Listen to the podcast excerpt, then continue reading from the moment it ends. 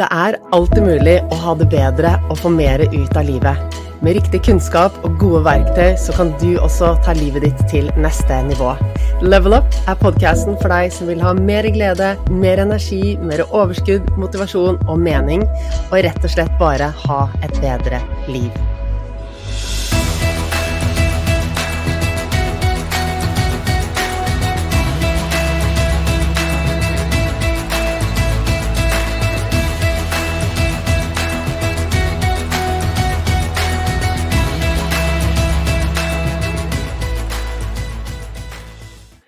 Jeg vet at du vet at jeg er skikkelig helsenerd og gjør så mye hver dag for å sørge for at jeg har det bra, har mer energi, at jeg får til mer og presterer bedre. Og jeg har en partner in crime som heter Trine Berge, som er ganske lik meg på det området. Og Trine har så mye kunnskap om hvordan vi jobber for helhetlig helse, hvordan vi jobber for å balansere nervesystemet, sørge for at vi har energi, og at vi fungerer optimalt og har det bra. Og jeg har vært så heldig å få med henne hit i dag, sånn at hun kan dele av sin gullgruve, dele med oss hvordan hun jobber, hvordan hennes helsereise har vært, og hva hun syns er viktig for å sørge for at ja, vi kan ha det best mulig. Hjertelig velkommen til Level Up, eh, Trine. Vet du hva? Det er så hyggelig å endelig ha deg med. Min partner in crime. ja, eller partner in retreat. ja, ikke sant. Vi har jobbet så mye sammen nå, så det var på tide å få deg inn her, så du kan dele litt av eh, all den gullkunnskapen du har. Ja, takk. Det er veldig hyggelig å være med på Level Up, og jeg er jo alltid så glad for eh, alt det vi gjør sammen, for jeg syns det blir så bra. Mm. Mm. Du er en glede av samarbeid med Anniken. I like måte, Trine. Ja. Ja, det er gull. Jeg elsker å jobbe med deg. Vi har så likt tankesett rundt ting, og kunnskapen vår den komplementerer hverandre veldig godt.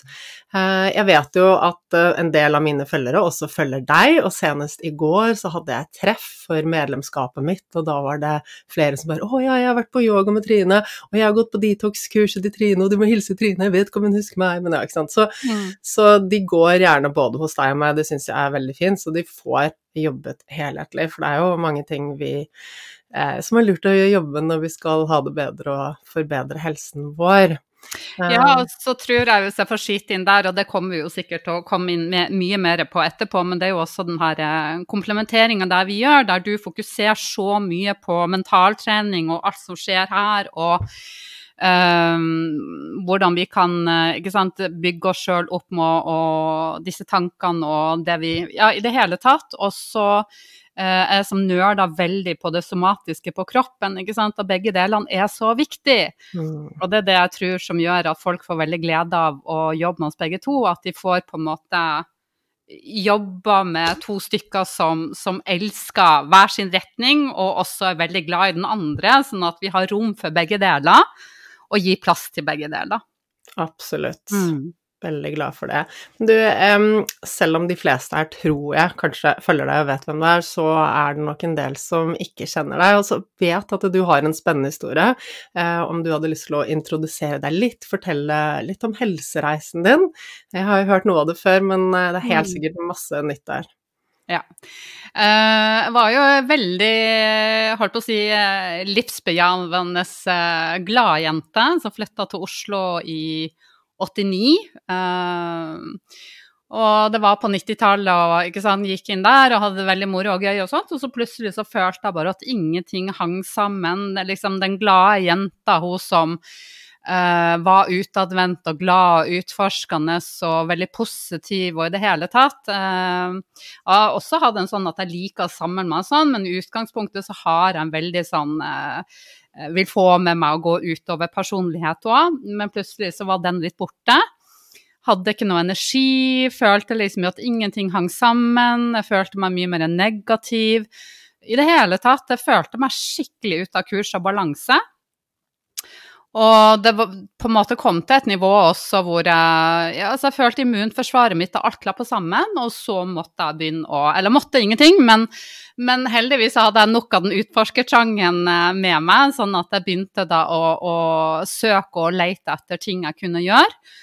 Og tiltrekte meg det ganske fort. Og begynte vel egentlig med veldig mye samtidig, som den gang kanskje ikke hadde noen navn, som type mentaltrening. Jeg begynte å se på tankene mine, jeg begynte med takknemlighetsøvelser. Jeg begynte å se på kosthold, det var detox. Jeg prøvde for mitt eh, harde hjerte å, å, å gjøre meditasjon. Det gikk jo ikke, så det ble mantrameditasjon.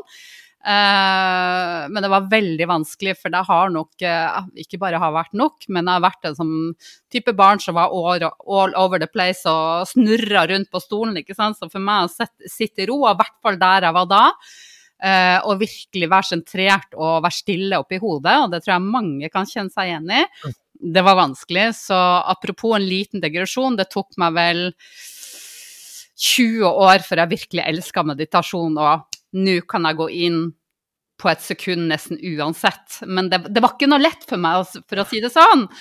Og det vil jeg vel egentlig si med mye av det som jeg har eh, kanskje høsta av de beste tingene i livet mitt, har egentlig ikke Det føles Andre kan tro at det var jo sikkert kjempelett for henne, for det føles naturlig ut. Ja, men det var ikke så lett å komme hit nett. Det tror jeg du kan relatere til med surfinga di og mange andre ting. at noen av de største gullskattene våre må vi kanskje jobbe mye for å komme frem til, og så, eh, så er det der. Ja, og det er jeg helt enig i, og jeg tror det handler om mange ting, og jeg tror også det handler om det at det er det som kommer lett, det gir ikke den samme belønningen. ikke sant? Når vi jobber mye for noe, så gir det oss mye mer. Um, og jeg syns det er så fint at du sier det at ok, det tok deg 20 år før du klarte å lande i meditasjon, um, at det var mye motstand, at det bare ikke Det funket ikke for deg. For jeg er helt sikker på at det er Eller jeg vet at det er så mange som kjenner seg igjen i det og bare må jeg sitte stille? Må jeg liksom tømme hodet mitt for tanker og bare Ok, hva er greia? Um, så det Ja. Ja, og det var en skikkelig sånn Det var som å fange en sommerfugl. Eh, og når jeg klarte det, så var det jo helt fantastisk når jeg klarte å komme ned i det jeg virkelig kaller mer meditative sinnet. Men uh, hjernen min ville hele tida distrahere meg og sånt. I dag så kan jeg ennå kjenne det, men det har på en måte snudd rundt. Uh, men litt tilbake til så begynte Og det var jo vel Kostholdet var jo virkelig en sånn stor ting som snudde ting opp og ned, men det var like mye alle de andre delene, og uh, også på en måte jeg tror nok også kanskje en sånn rød tråd som jeg ser uh, gjennom livet mitt, er også på en måte uh, koble seg på kroppen, forstå følelser, tillate de, og også kunne regulere de.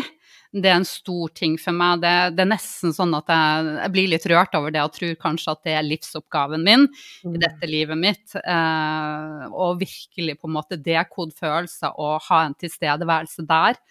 Så det har nok også gått som en rød tråd. Eh, når jeg var ung, så var jeg bare sånn så disconnecta at det kunne skje noe, og så kunne jeg snu meg rundt, og så så jeg helt uberørt om det. Men det var jo eh, egentlig kaos, men fullstendig sånn avkobla.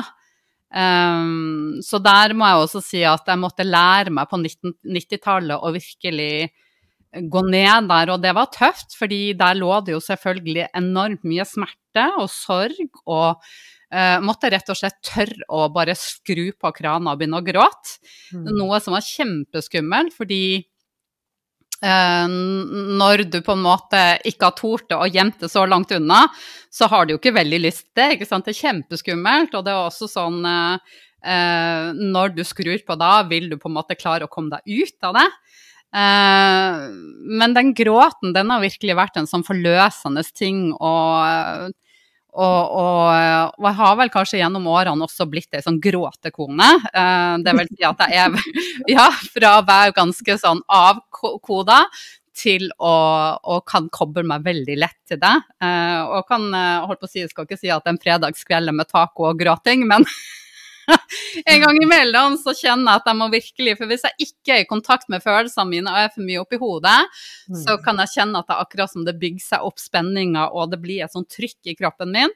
Um, ja, så det var også kanskje en liten digresjon, men det føler jeg har vært veldig viktig i livet mitt å lære.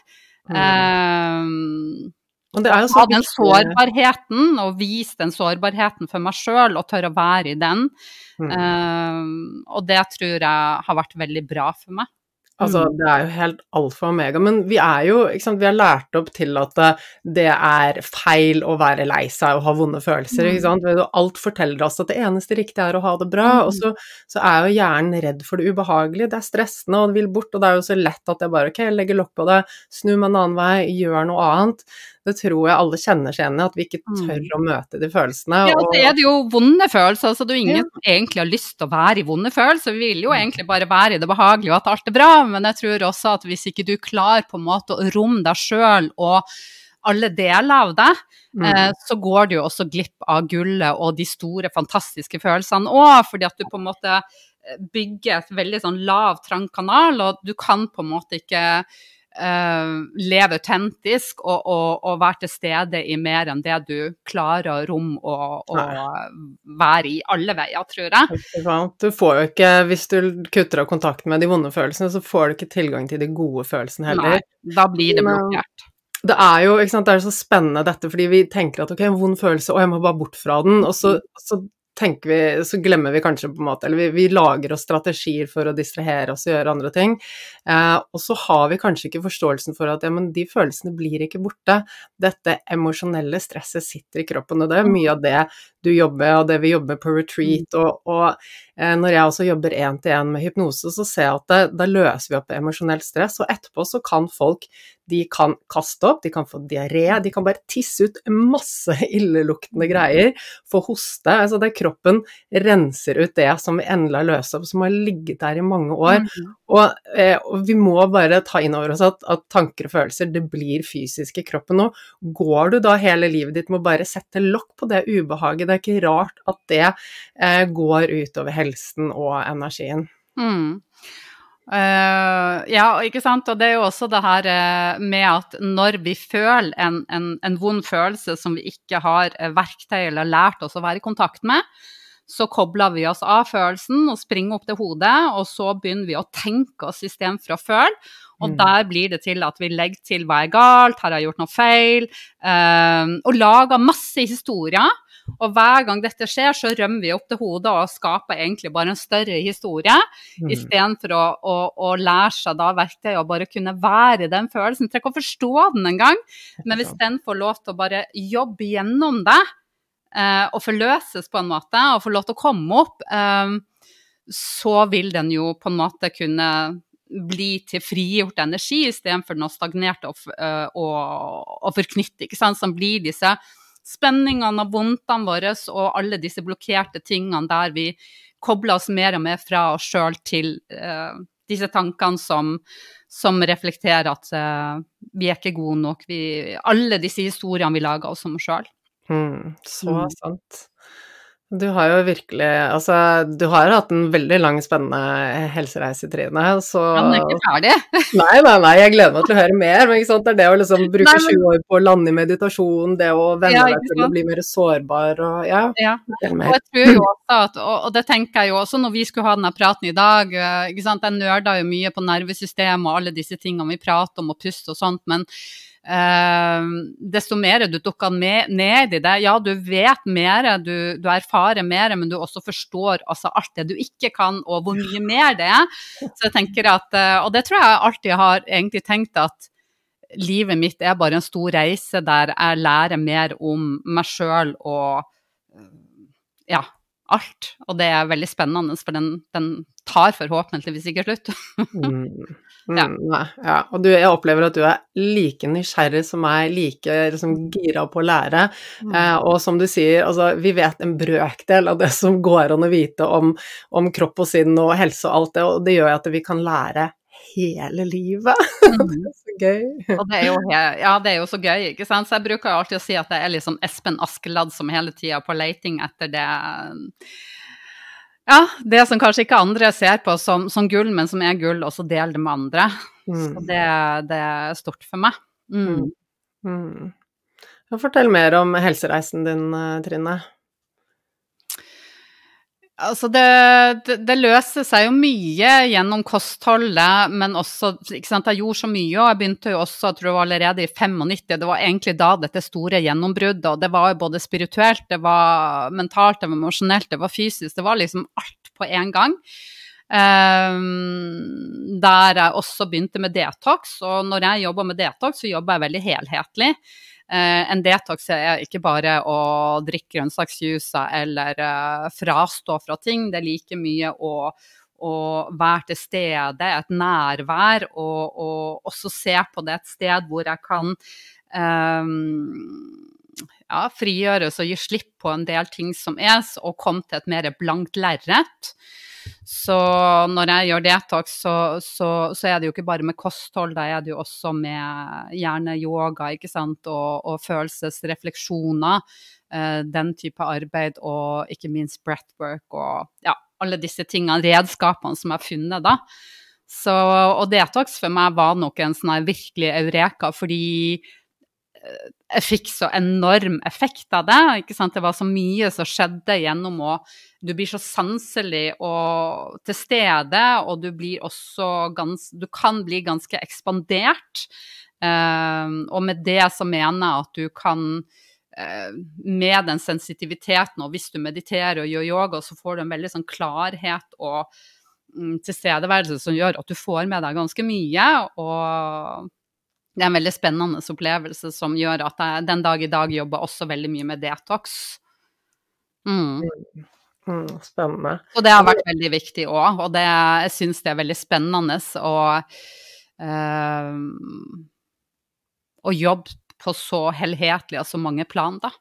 Mm. Mm. Og det er jo det, ikke sant, den helheten, ikke sant, og vi snakket litt frem tilbake og tekstet litt og hva, hva vi vil ha frem i episoden i dag, ikke sant, og du snakker om ikke sant, pusten og den liksom broen mellom kropp og sinn, og, og alt, ikke sant, alt det vi jobber for eh, og med, det handler om denne kropp og sinn, hvordan det fungerer mm. best sammen, for vi kan ikke skille den ene fra den andre, og vi kan ikke bare jobbe med det mentale, vi kan ikke bare jobbe med det fysiske, vi kan ikke bare jobbe med eh, mat, eh, så ja. Mm, du består av mange deler, og hver del må på en måte henge sammen og bli en helhet, og må også jobbes litt hver for seg. Mm. Så, og um, etter hvert så ble jo det her til en sånn uh, Alle de her tingene gjorde jo at jeg ble så fascinert, og starta jo noe som heter Supernature, eller som ble Supernature. Det var jo 15 år med knallhard jobbing med å bygge opp uh, Det var jo ikke bare supermat, det var kanskje det vi ble mest kjent for, men det var jo veldig mye annet òg. Uh, så jeg var jo også med å jobbe opp en terapeutisk klinikk og en terapeutisk metode. Um, og da også da lage og importere kosttilskudd og supermat og urteekstrakter og masse forskjellig. Så det var en veldig gøy reise òg, men den var ekstremt krevende. Og jeg kjente på slutten der at uh, for, for, meg så har det vært veldig viktig med walk the talk, altså virkelig jeg kan ikke bare snakke om noe, og så kjenner du at det er så langt borte fra deg. Og det har jeg sett veldig mange av disse helseguruene, at uh, på scenen så fungerer det, og bak etterpå så ligger de bare strødd med det ene og det andre, holdt på å si. Så det uh, På slutten så følte jeg meg ikke i balanse igjen. Det var en ny runde, og der jeg tenkte at nå må jeg ut av det her, jeg må snu på hver eneste stein. Til jeg kjenner at jeg på en måte Og da begynte det med veldig mye sånn type i det mentale. Hva er det som gjør at jeg skaper disse ubalansene? Eh, hva er det slags sannheter jeg går og bærer på som gjør at jeg strever så mye og, og, Ikke sant. Og jeg fant nok ut at uh, selv om jeg hadde veldig mye guts og, og uh, eventyrtrang og utforskning og var på en måte selvsikker, så var det også en veldig lav selvfølelse der bake. Eh, som måtte tas tak i om eh, å forstå og se meg sjøl og, og jobbe med meg på et dypere plan, og også igjen kom inn mer, mye, mye dypere inn i det somatiske kroppsarbeid. Og begynte mye mer med ja, å utdanne meg da til yogalærer, og, eh, og der kom jo også pusten inn som en sånn enorm eh, fascinasjon og også redskap, som kanskje er hvis det er én ting jeg skal liksom ta frem som den som virkelig trekker meg, og som jeg tror jeg kommer til å ha en livsreise med, er nok eh, breathwork og pust. Mm. Uh, også fordi at det er så fantastisk redskap, fordi at det er ingen av oss som ikke puster i det du ikke puster, og så er du ikke på det her planet, i hvert fall. Da er du ikke i denne kroppen, da er det ferdig her. Da er, det, da er du borte. Men så er det da kunsten med å puste med tilstedeværelse og bevissthet mm. eh, som berører meg veldig dypt, og hvor mye du kan endre eh, sinnstilstand og også jobbe ut ting. Mm. Eh, så det syns jeg er helt fantastisk. Og at det er ikke noe du må kjøpe eller ta Altså det er ikke, det er ikke noe utenfor deg det er pusten din. Det er noe som Altså, vi har her, disse lungene og, og denne pranaen som kommer inn i oss, så det er noe vi alle er utstyrt med. Ja, det er tilgjengelig absolutt hele tiden. Det er gratis, alle har det. Og det er jo, ikke sant, det, forskningen viser at det er ene og alene det eh, verktøyet som raskest mulig og mest effektivt regulerer nervesystemet. Det er jo ikke noe annet som, som slår det. Det hacker nervesystemet ditt, det hacker psyken din, det er en port ned til det ubevisste, det er en port mellom kropp og, og sinn og sjel. Mm. Det er et sted hvor du kan regulere det mentale emosjoner. Du kan også jobbe ut veldig mye gamle spenninger, stress, historier, følelser. Uh, altså det er veldig mye spennende med pust, uh, så det, det tror jeg kommer til å nøle mye på i de neste årene. Ja, det er jo helt magisk. Altså, jeg er jo eh, vant til å gjøre mye uh, pusteøvelser gjennom yoga, men jeg har liksom aldri mm. gått inn i breathwork på den måten. Så det er fortsatt et sånn eh, uutforsket eh, område som jeg ønsker mm. å gå mer inn i. Men du har jo litt breathwork når vi kjører retreat i Hemsedal, Trine? Det har jeg helt klart, fordi jeg klarer på en måte ikke å skille på det, så det blir mer og mer inn i arbeidet mitt. Og, og jeg hadde jo, holdt på å si heldigvis, en, en Eh, fordi at jeg begynte jo med yogapust og kjente masse, sant, masse hva det kunne gjøre godt òg, med ojai-pust og bare vært til stede med kropp og, og uh, pust, hva det gjorde. Men jeg valgte jo en kundalini-yoga-utdannelse. Og der hadde vi en egen modul på pranayama, altså pust, og da våkna jeg bare sats med sånn eh, av fjeset og var helt sånn. Og jeg husker vi gjorde en sånn øvelse med forskjellige pranayamas. Eh, og på fly hjem, for det her var en modul som jeg tok nede i Italia, og på veien hjem så satt jeg heldigvis, for det her var litt sånn ja, slutten av september, så hele raden min var ledig. Eh, så jeg kunne sitte alene, og så satt jeg der og snøfta og pusta og gjorde 20 eh, minutter med breathwork. Og det jeg landa på flyplassen, da hadde jeg stått opp grytidlig, sovet lite ei uke, vært på en togreise, vært på fly, eller fly, fly eh, ikke sant, eh, eh, flyplassen og så en lang flyreise hjem, og satt da hjemme. Jeg kunne egentlig ha stått opp på fjellet etter de 20 minuttene. Det var sånn jeg følte meg, og det var litt sånn wow, her sitter sitter på noe helt spesielt. At de 20 minuttene jeg gjorde på flyet, var akkurat som å bare Jeg sov i uka og våkna på fjellet, og jeg hører fugler kvitre, og jeg er helt til stede. Ja. Wow. Ja. Det er kraftfulle verktøy. Det er kraftfull. Og også det her med det vi snakka i sted om eh, hvis vi kan tillate å kjenne på og, og, tillate disse følelsene, at vi tør å være i de, eh, istedenfor å kutte, rømme opp til hodet og begynne å tenke hver gang vi føler en dårlig følelse, og skape masse historier som ikke forløser noen ting, det bare lager en større knute for hver gang, mm. så kan du bruke pusten til å lære deg å være um, Hva skal jeg si? Lær deg å komme ned i følelsen. Det kan du bruke pusten til. Og også tillate å være i den, og også bli venn med følelsen, og bare la den jobbes ut, uten å vite hva den er. Ja. Mm. Å, så magisk.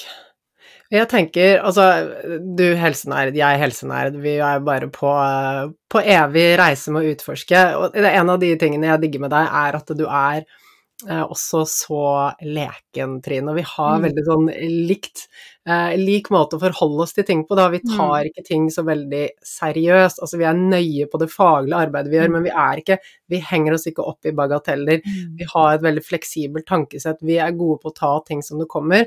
Og du er superleken, og jeg er også superleken. Og så tror jeg vi begge er litt sånn guttejenter, selv om jeg aldri har tenkt på meg selv som guttejente. Jeg mm. føler meg at jeg er jentejente, men vi er, har nok kanskje litt mer sånn tomboy-gener enn andre jenter, kanskje. det tror jeg er helt fint. Um, og denne lekenheten, og det var jo det som jeg sa i sted, at når jeg på en måte på 90-tallet fant ut av hvor i all verden var den her eventyrtrangen og lekenheten og positiviteten, ikke sant. Og det tror jeg også har blitt en sånn um, tempmåler for meg gjennom livet, at når jeg ikke klarer å være i berøring med den, Uh, så må jeg ta et skritt tilbake ganske fort for å finne ut hvor er det på en måte det Hvor, hvor er knuten hen? Uh, og det vet vi jo alle, at hvis vi er på et sted der vi føler at det er hardt og tøft, og så blir plutselig livet veldig seriøst, og vi blir litt sånn uh, Vi blir stressa, og vi kan bli veldig irritert hvis andre har det morsomt og lekent, ikke sant. Uh, da blir vi jo veldig provosert. Ja. Så det kan jo være en sånn liten tips at da, da er du litt ute av kurs.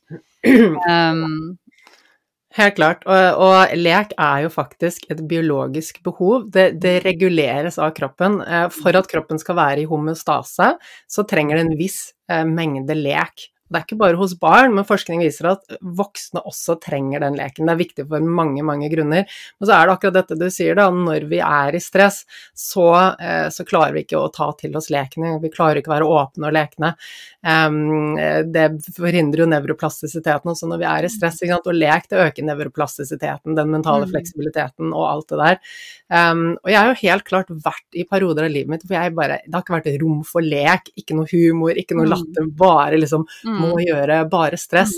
Um, men, men, det å ta leken inn Og alle har vi forskjellige måter å leke på. ikke sant? Og jeg opplever at du er også veldig god på å utfordre deg. Og jeg syns eh, en ting som var skikkelig gøy, fordi du har jo blitt en veldig sånn friluftsjente, da, ut på ski og ut på tur i fjellet. Så husker jeg du sa til meg at ja, men før så var jeg ikke sånn. Før så var jeg liksom bare fornøyd med å Jeg husker ikke helt hva du sa, men det var liksom bare Jeg kunne sitte inne på sofaen, og så var jeg happy med det. Men du var ikke fornøyd, det var ikke før du kom ut og begynte å bruke kroppen, være i naturen og leke, utfordre deg, det var da du egentlig ble fornøyd, men at du ikke mm. hadde det i deg før. Jeg har lyst til å si noe om det, jeg husker ikke helt, jeg vet ikke om jeg sa det riktig. Men Nei, om du var inne på noe med det, men jeg tror igjen at jeg har alltid vært en utforskende eh, sjel, um, og likt meg i aktivitet og bevegelse. Jeg liker det.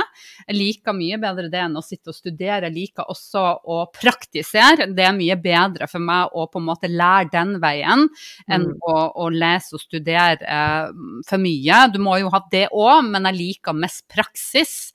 Eh, men eh, jeg hadde jo en far som var utrolig Altså, han var jo idrettstalent og friluftsmann og sånn.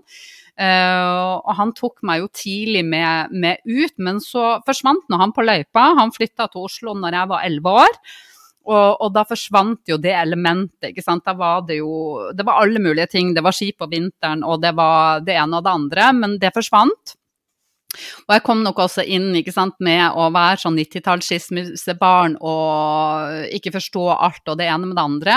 Eh, så, så, så, var det nok mye jeg kunne ha fått hjelp der gjennom å ha vært i naturen.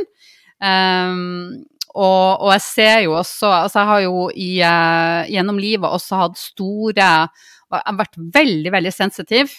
Det som jeg sier, at jeg er ikke en sånn slit med depressivitet, jeg er mer nevrotisk. Jeg har et veldig sensitivt nervesystem. Uh, det er mye som skjer. Uh, og Uh, hadde mye sensitivitet, og perioder når jeg jobba mye, så begynte jeg jo også å isolere meg og distansere meg fra mye. Og det, klart det, ikke, det var ikke mye lek der, for det var ikke tid til det. Det var altfor mye, mye som lå på skuldrene mine. Um, og i den fasen hvor jeg på en måte begynte igjen å skulle snu på alle steiner for å finne ut at min eneste plan var at jeg skulle ha det bra, ikke alle disse fantastiske ideene mine, at de skulle bli bra, men at jeg skulle ha det bra. At det var det eneste gode planen og eh, veien videre.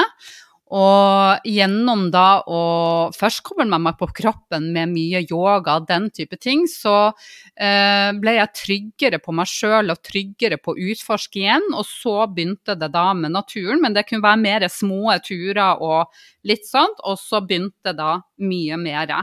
Og da mener jeg virkelig mye mer fra en som elsker å være ute og, og uh, har jo høydeskrekk, men det er ikke lykken er ikke på toppen av et fjell, men å hele tida elske å gå opp fjell, bare det ikke er for bratt.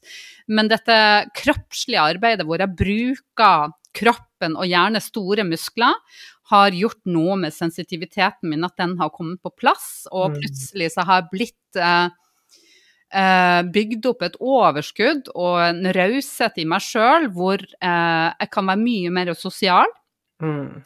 Um, jeg kan glede meg over støy. Uh, jeg kan være steder der det er mye folk. Gjennom det arbeidet jeg har gjort med både natur, men også andre somatiske ting. Men den naturen har vært en sånn kjempegreie. Og jeg prøver jo alle mye mulige ting. Og det er et eller annet at merkelig nok så er jeg trygg der til å dumme meg veldig ut, eller prøve nye ting.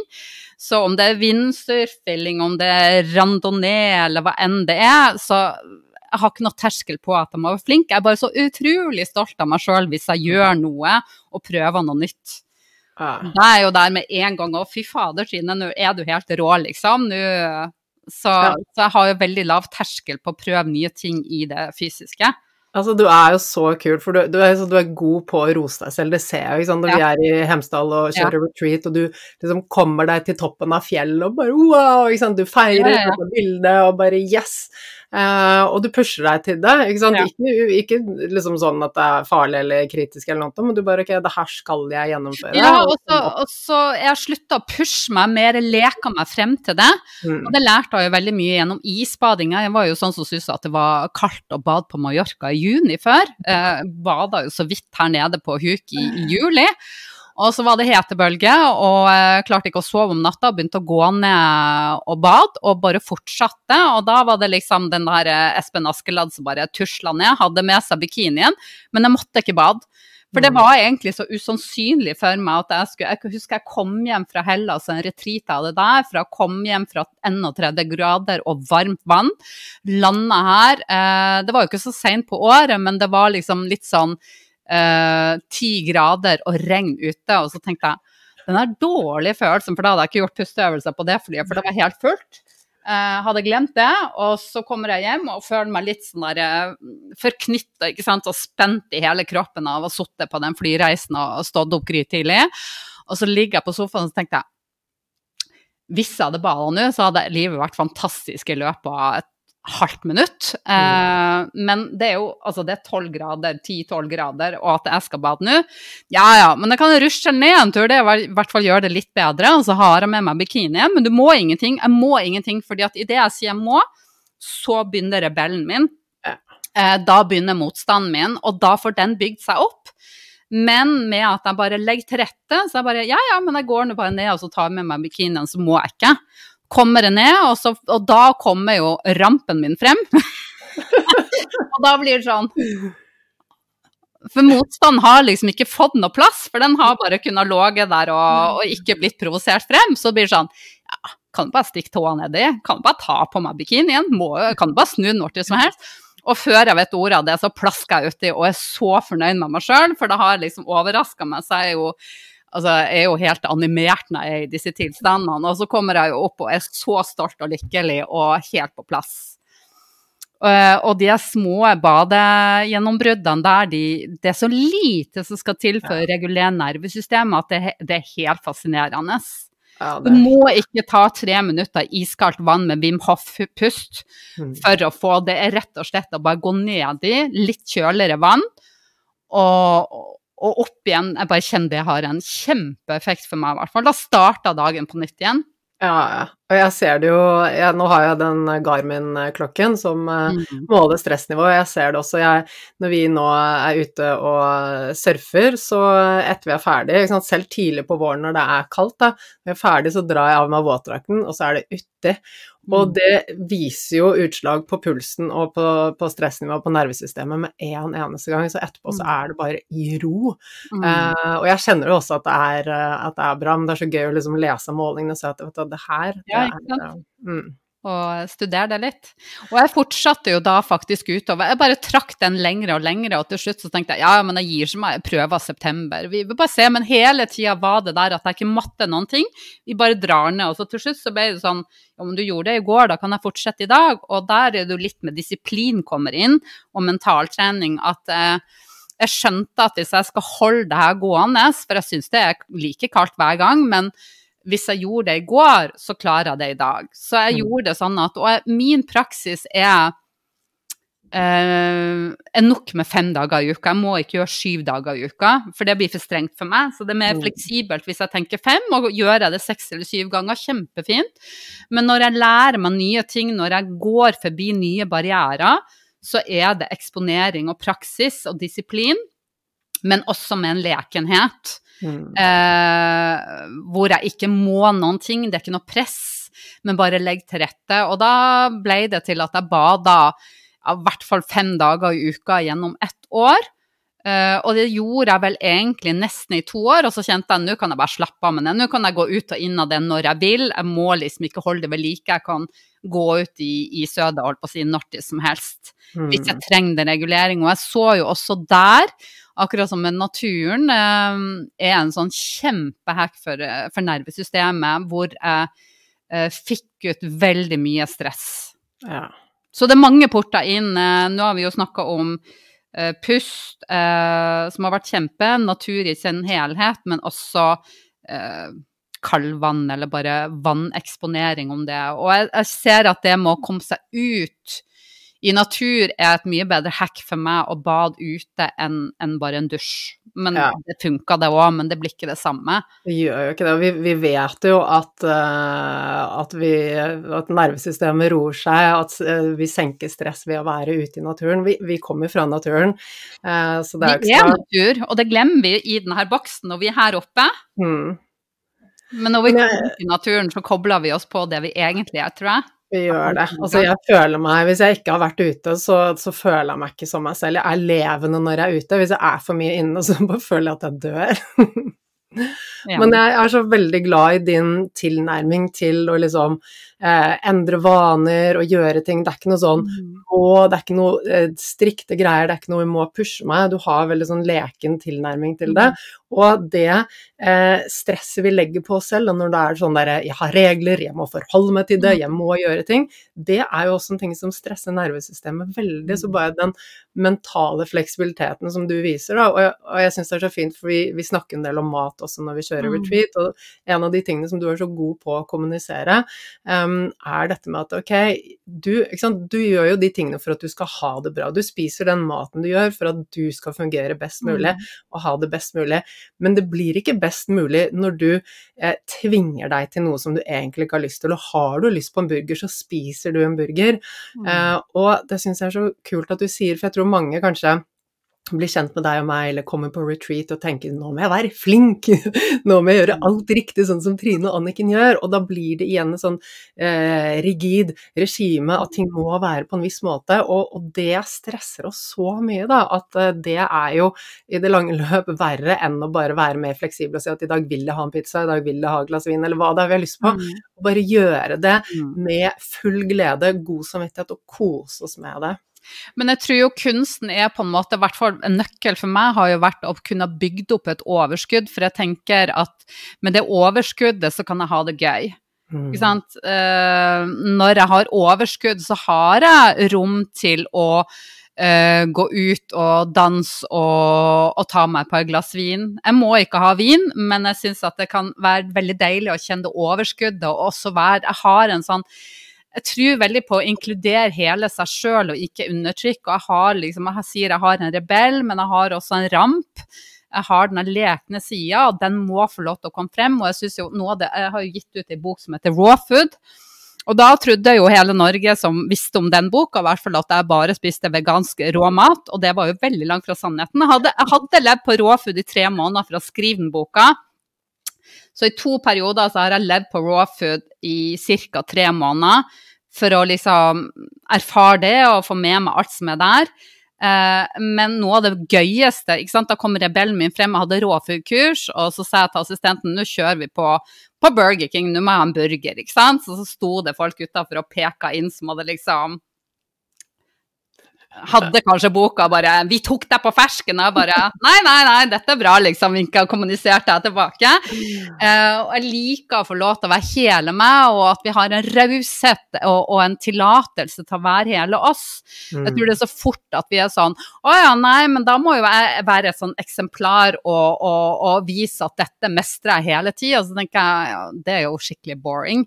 Eh, er mye mer for at uh, de delene av meg som, som uh, At jeg er i kontakt med meg sjøl, og at de, får, de, viktige delene av meg får lov til å få sin plass og, og forhåpentligvis også være på rett tid til rett sted.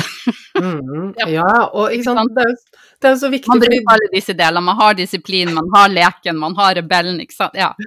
Ja, det er altså fordi når vi ikke er oss selv, når vi ikke tillater oss selv å være oss selv, så er det ekstremt energikrevende. Det koster mm. nervesystemet så mye energi å være en annen enn det vi egentlig er. Så av alle de tingene vi kan gjøre for å, for å ha det bedre, for å regulere nervesystemet, og som du sier det, for å skape overskudd Har vi ikke overskudd, så orker vi jo ikke leke, vi orker ikke altså, da, er, da er det bare de mm. korteste løsningene, ikke sant.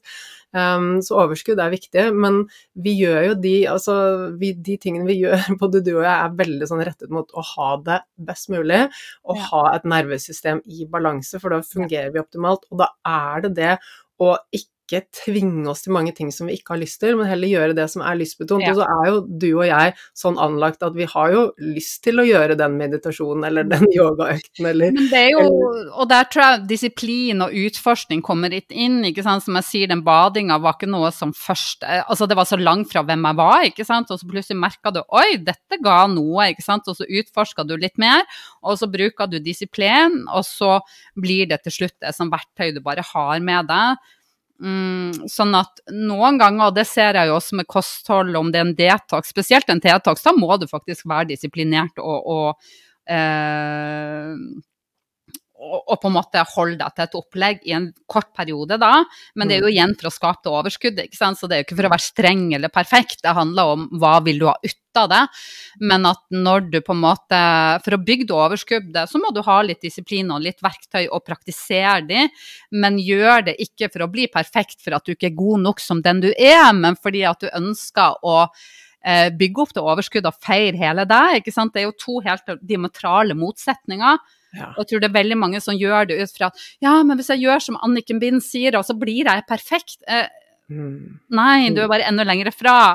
Men hvis du skjønner, ikke sant, og det vet jeg jo, eh, du er så flink på det, og derfor noe av det som gjør at jeg elsker å jobbe med deg, at vi har noen verdier i bunnen og bærekraft om at vi ikke skal bli det der perfekte, uoppnåelige, det der eh, grandiose. Det òg, men hvis det kommer av glede og en mm. naturlig utfoldelse, men ikke fordi at ikke du er bra nok som du er. Det er der du må først brekke inn at du er god nok.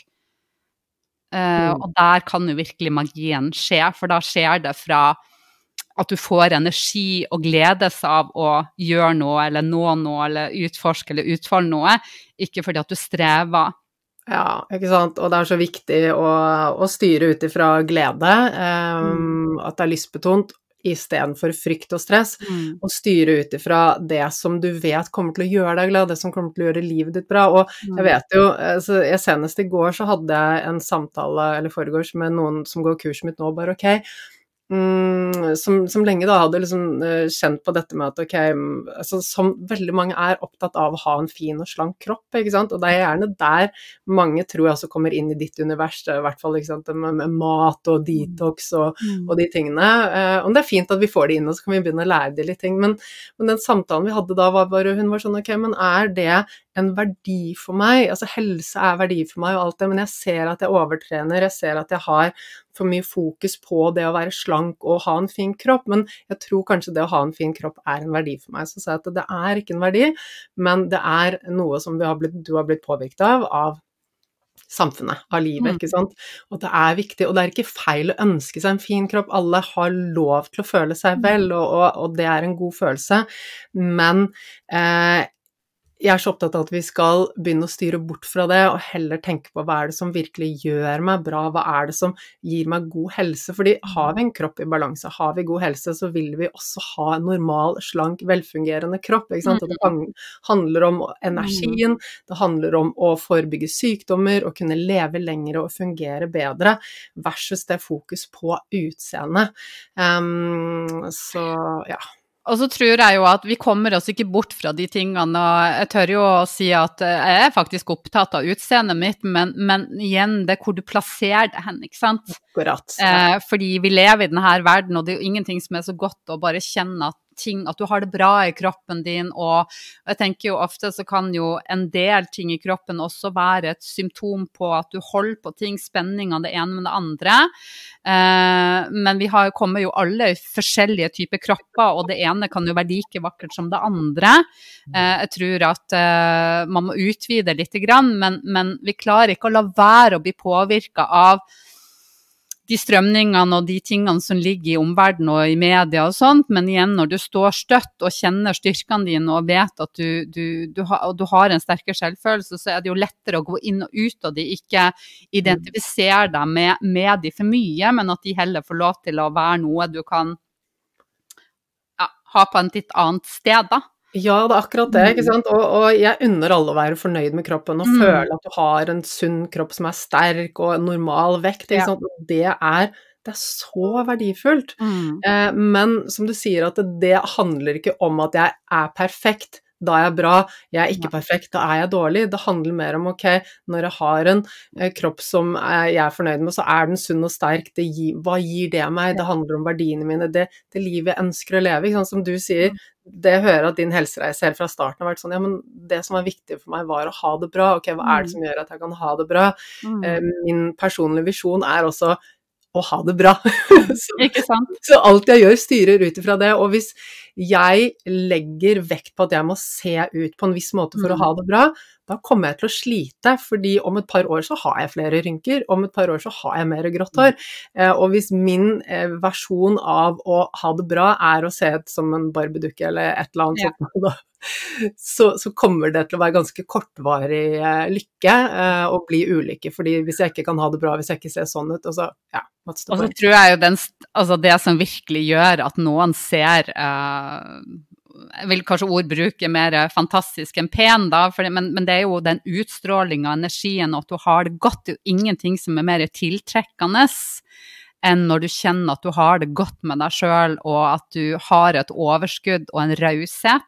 Det er jo, ikke sant Det kontra å være hard, rigid, perfekt. ikke sant? Det er jo to helt diametrale motsetninger. Uh, og jeg vet jo i hvert fall hvor jeg kjenner at jeg vil bo hen.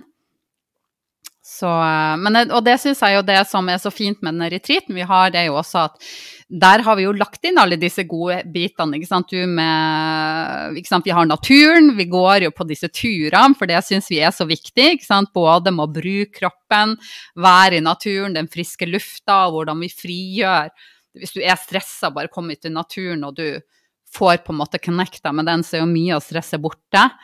Uh, og så har vi jo da det kostholdet, ikke sant. Og, og, og, når vi jobber sammen, så er det jo Jeg, jeg jobber jo veldig med det antiflammatoriske, og det vet jeg jo du er veldig opptatt av òg. Uh, fordi at når vi spiser, ikke sant vi Stress er jo det verste i forhold til betennelser. Uh, men og også at kostholdet har en enorm påvirkning på oss, ja. Og når jeg har noen få dager med å jobbe med folk, så, jobb, så nøler jeg jo litt med det som virkelig eh, demper betennelser og regulerer blodsukkeret, og også hormoner, ikke sant, dette puslespillet. Og da bruker jeg jo mye plantebasert mat, så da er det jo i hvert fall ikke en Burger King-burger som havner på tallerkenen din. Hvis du kjører ned og gjør det, så får du jo gjøre det, men, men jeg vil jo invitere folk til å utforske og være med hvis, hvis man er med på en retreat vår eller andres, og prøve ting. Mm. Eh, og så heller vente med det andre til man kommer hjem, for å se til hva som skjer i kroppen din. Mm. Og så har vi jo mentaltrening med deg hvor du eh, gjør masse av disse det er jo både Det vet jo du bedre enn meg, liksom, men hvordan vi får uh, sortert og, og, brukt uh, mye verktøy der i forhold til det mentale. Mm. Og så yoga og breathwork. Uh, så der har vi jo krydra, liksom veldig mye vi får til på noen dager der. Vi har jo liksom lagt til alle godbitene. Og hvis man syns at eh, natur og plantebasert mat og mentaltrening og alle de tingene vi har remsa opp som godbiter, er slettes ikke noe gøy, så har man kanskje ikke noe på den turen å gjøre. Men er det noe som man, man har lyst til å utforske og har lyst til å, og synes er kult, så er jo det en veldig godtepose, vil jo jeg si. Ja, og det er jo, ikke sant, som du sier, alt det vi legger inn i når vi holder retreat, f.eks., det handler Det er jo de tingene vi bruker selv, ikke sant, og vi Mm. gjør det jo for å regulere nervesystemet, for å dempe inflammasjon, og jeg vet jo Det er jo du som i hovedsak har ansvaret for å sette sammen eh, eh, kostholdet, um, og så er jeg inne og godkjenner, men det er jo dette er jo ditt eh, område, her er du eksperten og har så Mm. mye. Og jeg, jeg elsker når vi, når, vi er, eh, når vi bor i Hemsedal sammen, da, fordi da har du med deg poser med urter og ting og tang, og så driver du og blander adaptogener og urter, og det er bra for det og sånn og sånn. ja, Ja, det er jo litt mer på bakrommet når jeg og du har kommet hjem igjen, det er det. men, men ikke Men, bare der. Men Ja, eh, du setter sammen en meny som er virkelig med tanke på å regulere blodsukker. Ja. Alt er nøye gjennom Det er ikke tilfeldig hva som havner når og hvor, og, mm. og du bygger det opp gjennom disse fire dagene. At, uh, at vi får en myk start og liksom får regulert uh, blodsukkeret Mm. og nervesystemet. Og det er jo ikke for å være streng, men for at du skal, du skal få noe ut av det. Um, så ja, absolutt. Mm. Mm. Men noe jeg syns er så spennende, eller som ikke spennende, så er kanskje helt feil på ord, men uh, over til noe annet, det er jo det her med uh, Som jeg syns kan være fint å samtale litt om, det er jo det her at uh, dypere sett, for vi har snakka litt om hvem er du, og raushet inkluderer hele deg. Men så merker jeg jo at eh, vi alle mennesker vi går med så mange lag i oss, hvor vi kanskje har lært at noe ikke var bra, eller for min del så husker jeg det jo veldig sånn gjennom at jeg elska egentlig å bruke stemmen. Jeg elska å synge, og det var sikkert ikke like gøy for omgivelsene det til tider. Eh, men det var vel en gang eh, på som kommer opp det, som jeg husker at det, det var liksom på musikkteam, altså når vi hadde musikk, der jeg sang, og så var det liksom noen som sa et eller annet som jeg oppfatta, og som jeg tok med meg videre, som gjorde at jeg fikk en veldig blokkering i forhold til sang og uttrykk og sånt, at det ble veldig skummelt. Og jeg kunne også bli veldig provosert av eh, Så når jeg begynte da med chanting og yoga, kundalini-yoga, så chanta vi veldig. Jeg husker på andre chanten så var jeg litt sånn Å, ta meg vekk herfra, dette vil jeg ikke. Nå nå vil jeg bare ut herfra. og så har man jobba seg gjennom det. Igjen, som jeg helt innledningsvis sa, sa, at eh, det er så mange ting som egentlig ikke har vært lett for meg, om det har vært meditasjon. Sang var veldig lett i utgangspunktet, og så ble det veldig vanskelig. Og så Mm. jobba jeg meg gjennom det, og nå så har jeg en sånn dyp kontakt med stemmebruk og, og bruk den. Og hvilken stor glede det har. Og, og, og også når du ser på stemme, så er jo det en del å regulere. Den regulerer og påvirker vagusnerver, som igjen kan påvirke eh, hvile og fordøyelse. Det parasympatiske nervesystemet i kroppen din, der du på en måte kommer til et bedre sted å være. Mm. Eh, men det er også sånn at jeg ser at det er så mange av oss som har rydda en del på plass. Vi har kanskje god selvfølelse og sånt, men så ser jeg gjennom en del eh, Når folk kommer på yogatimer eller eh, breathwork og den type ting, at vi har på en måte identiteter som er at vi skal eh, altså Som jeg tenker barn, eh, de, de er så fri, de hopper strikk, de leker og sånt, og så blir de 18 år, og så må de plutselig ha alkohol fra dans. Hva er greia? Mm. Og det tror jeg vi har så mange sånne ting eh, som vi går og tenker at nei, nå må vi se pene og pyntelige ut, og så må vi danse litt sånn. Må ikke ha for uh, høy stemme eller uh, dumme oss ut litt. Mm. Og det er litt sånn fan også at uh, i somatiske, sant, somatiske jobbing og nervesystemhacks og det, her, det der frigjørende elementet, det betyr ikke at du må springe naken rundt på Karl Johan og Rah! ta, ta være liksom bare indre hippie, men at vi kan frigjøre oss og, og bruke til rett tid, da Mm. forløse en del ting, sånne blokkert energi og historier som vi går alle sammen, som er så ubevisst, som gjør at det hemmer oss i å få lov til å være enda gladere og leke mer og mer fleksibel. Mm. Ja, så viktig. Og det er jo som jeg liksom nevnte i sted også, dette med når vi hele tiden holder igjen, da. Jeg husker altså da jeg var uh, tenåring og hadde ekstremt lav selvfølelse og bare masse indre stress, så var jo sånn Hele kroppen min var helt forknytt, fordi jeg turte jo ikke å slippe meg løs eller gjøre noen ting. Det var liksom sånn Jeg visste ikke hvor jeg skulle plassere armer og ben, jeg var bare helt sånn Og jeg var så forknytt i kroppen, jeg fikk så mye smerter og liksom så stivt bekken, alt var bare stivt, for jeg bare holdt alt inne hele tiden. Og tenk så mye energi det krever, da. Mm. Og da tenker jeg igjen alle disse følelsene, som jeg sa, at jeg har jo lært meg å bli gråtekone når det trengs, men at det er så mange følelser vi kanskje føler oss tryggere eller mer usikre på. Um, så noen de, de, tåler jo ikke noe sorg eller tristhet, de blir bare sinna istedenfor. Altså mange, mange vil jo ikke være for glad engang, ikke sant. Uh, jeg husker vi hadde et kosttilskudd uh, som vi laga som heter Depredix. Og da var det en kunde som ringte og var helt fortvilt. Var, var blitt for glad, rett og slett. Det stemte ikke overens med identiteten. Uh, så og da tenkte jeg altså det her skulle jo vært på opptak, det går jo ikke an å ringe og klage over at du har blitt for glad. det var et problem, at man liksom kjente at identiteten var litt sånn Sånn er jeg. Jeg skal mm. liksom være litt sånn bitchy og sånt, og så plutselig så så var det Det, det, det sleit i hele identiteten til personen. Så mm. tenker jeg det, det, det her er jo galskap. Men det sier noe om menneskesinnet. Ja, det gjør og hva vi går og bærer på. Det ble en morsom historie. Det er jo bare hjernen som eh, vil beskytte og holde oss til det kjente og trygge. ikke sant? Og identiteten ja. vår, sånn som vi ser på oss selv, det er det som er trygt. Ja. Og gjør vi noe som er annerledes enn det, så blir hjernen stresset. Så, men ja, det er ganske Men da tenker jeg at vi begrenser så, for da er vi liksom bare den vi var på en måte gjennom arv og miljø. Og jeg må jo si at gjennom mitt liv, gjennom den lekenheten og utforskninga jeg hadde, så har jeg jo blitt kjent med så mange nye deler av meg. Mm. Eh, og det tenker jeg jo at eh, det er jeg veldig glad for at jeg har med meg. Nå blir jeg 52 år om et par dager. Og at jeg føler at jeg er ung og lovende i form av at jeg ennå kan få lov til å finne nye deler av meg. Eh, nye, få lov til å utforske og, og virkelig se hva livet byr på. Og du ser jo ut som du er mye yngre enn 52, Trine.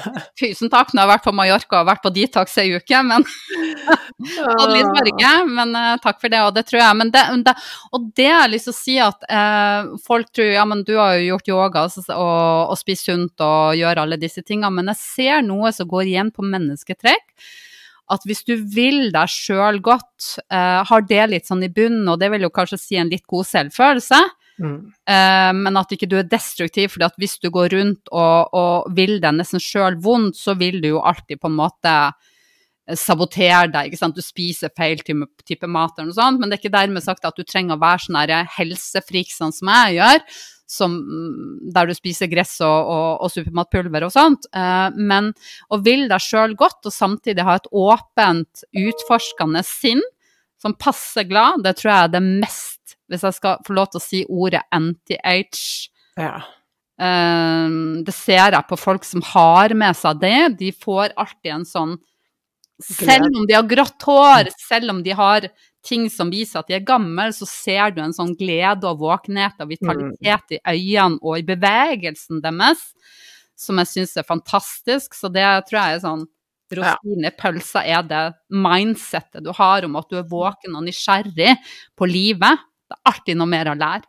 Ja, jeg er helt, helt enig. Det er den vitaliteten, og vi vet at det påvirker cellehelsen vår. Har vi et mm. optimistisk tankesett, så påvirker det cellehelsen vår positivt. Har vi mm. et begrenset tankesett, lager stress om ting, er misfornøyd med oss selv, kritiserer oss selv, så skaper det emosjonelt stress, og det tærer på cellenivå. Mm. Det gjør at telomerene blir kortere, det skaper ja. emosjonelt stress. Vi blir syke, vi blir fortere mm. gamle av det.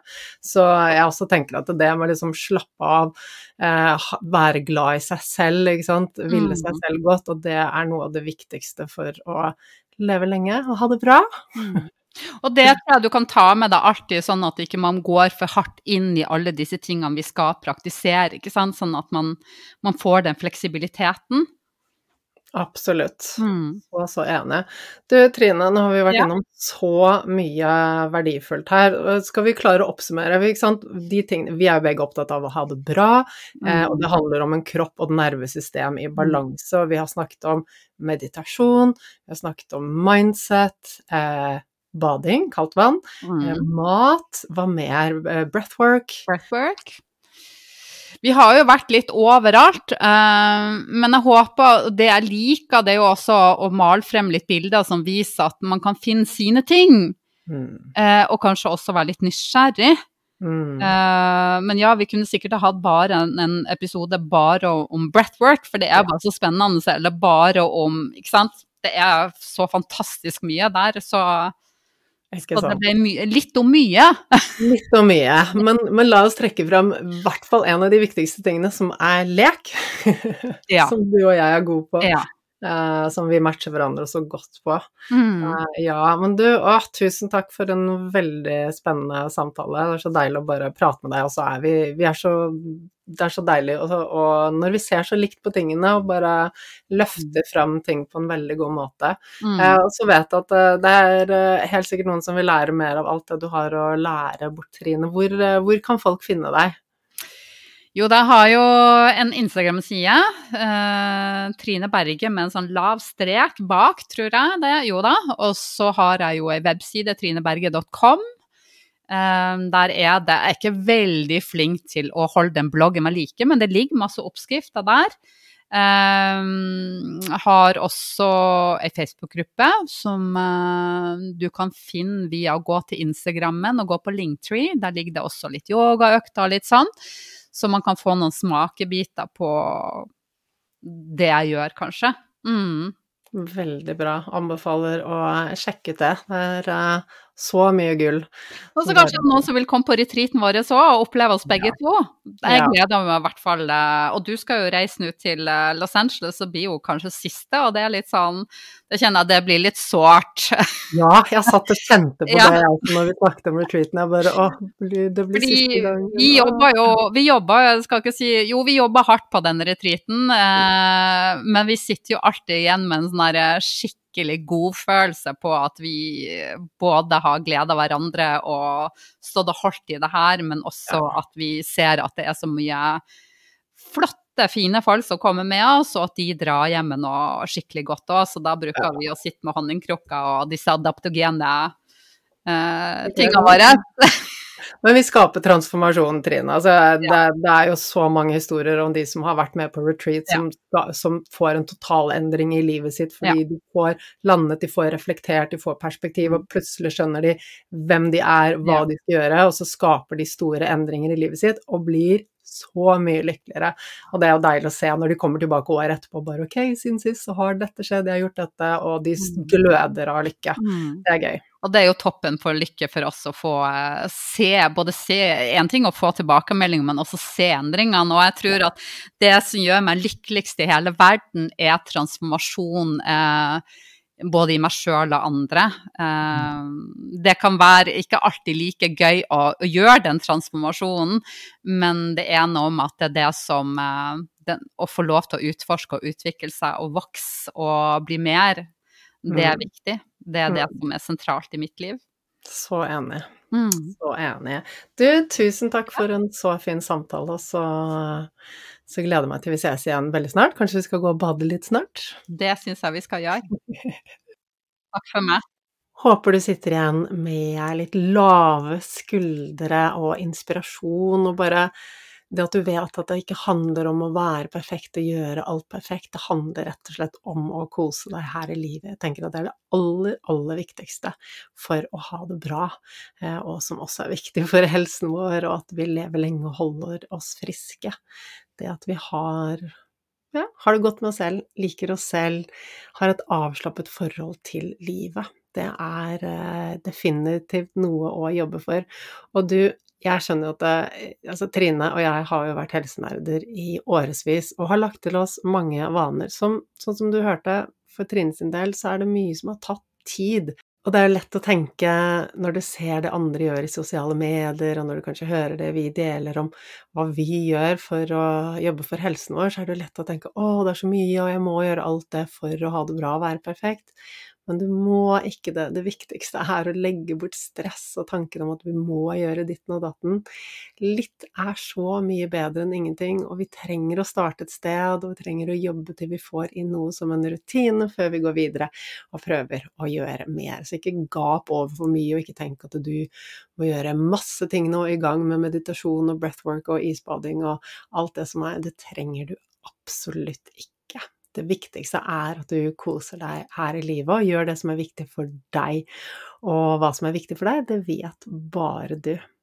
Og jeg setter så stor pris på at du går inn på iTunes og gir eh, podkasten en rating, legger igjen en tilbakemelding, deler eh, når du lytter til den på sosiale medier, og tagg gjerne Trine og meg når du lytter til denne episoden, og del med oss hva du fikk ut av den. Og du, da gleder jeg meg til å se deg igjen neste uke.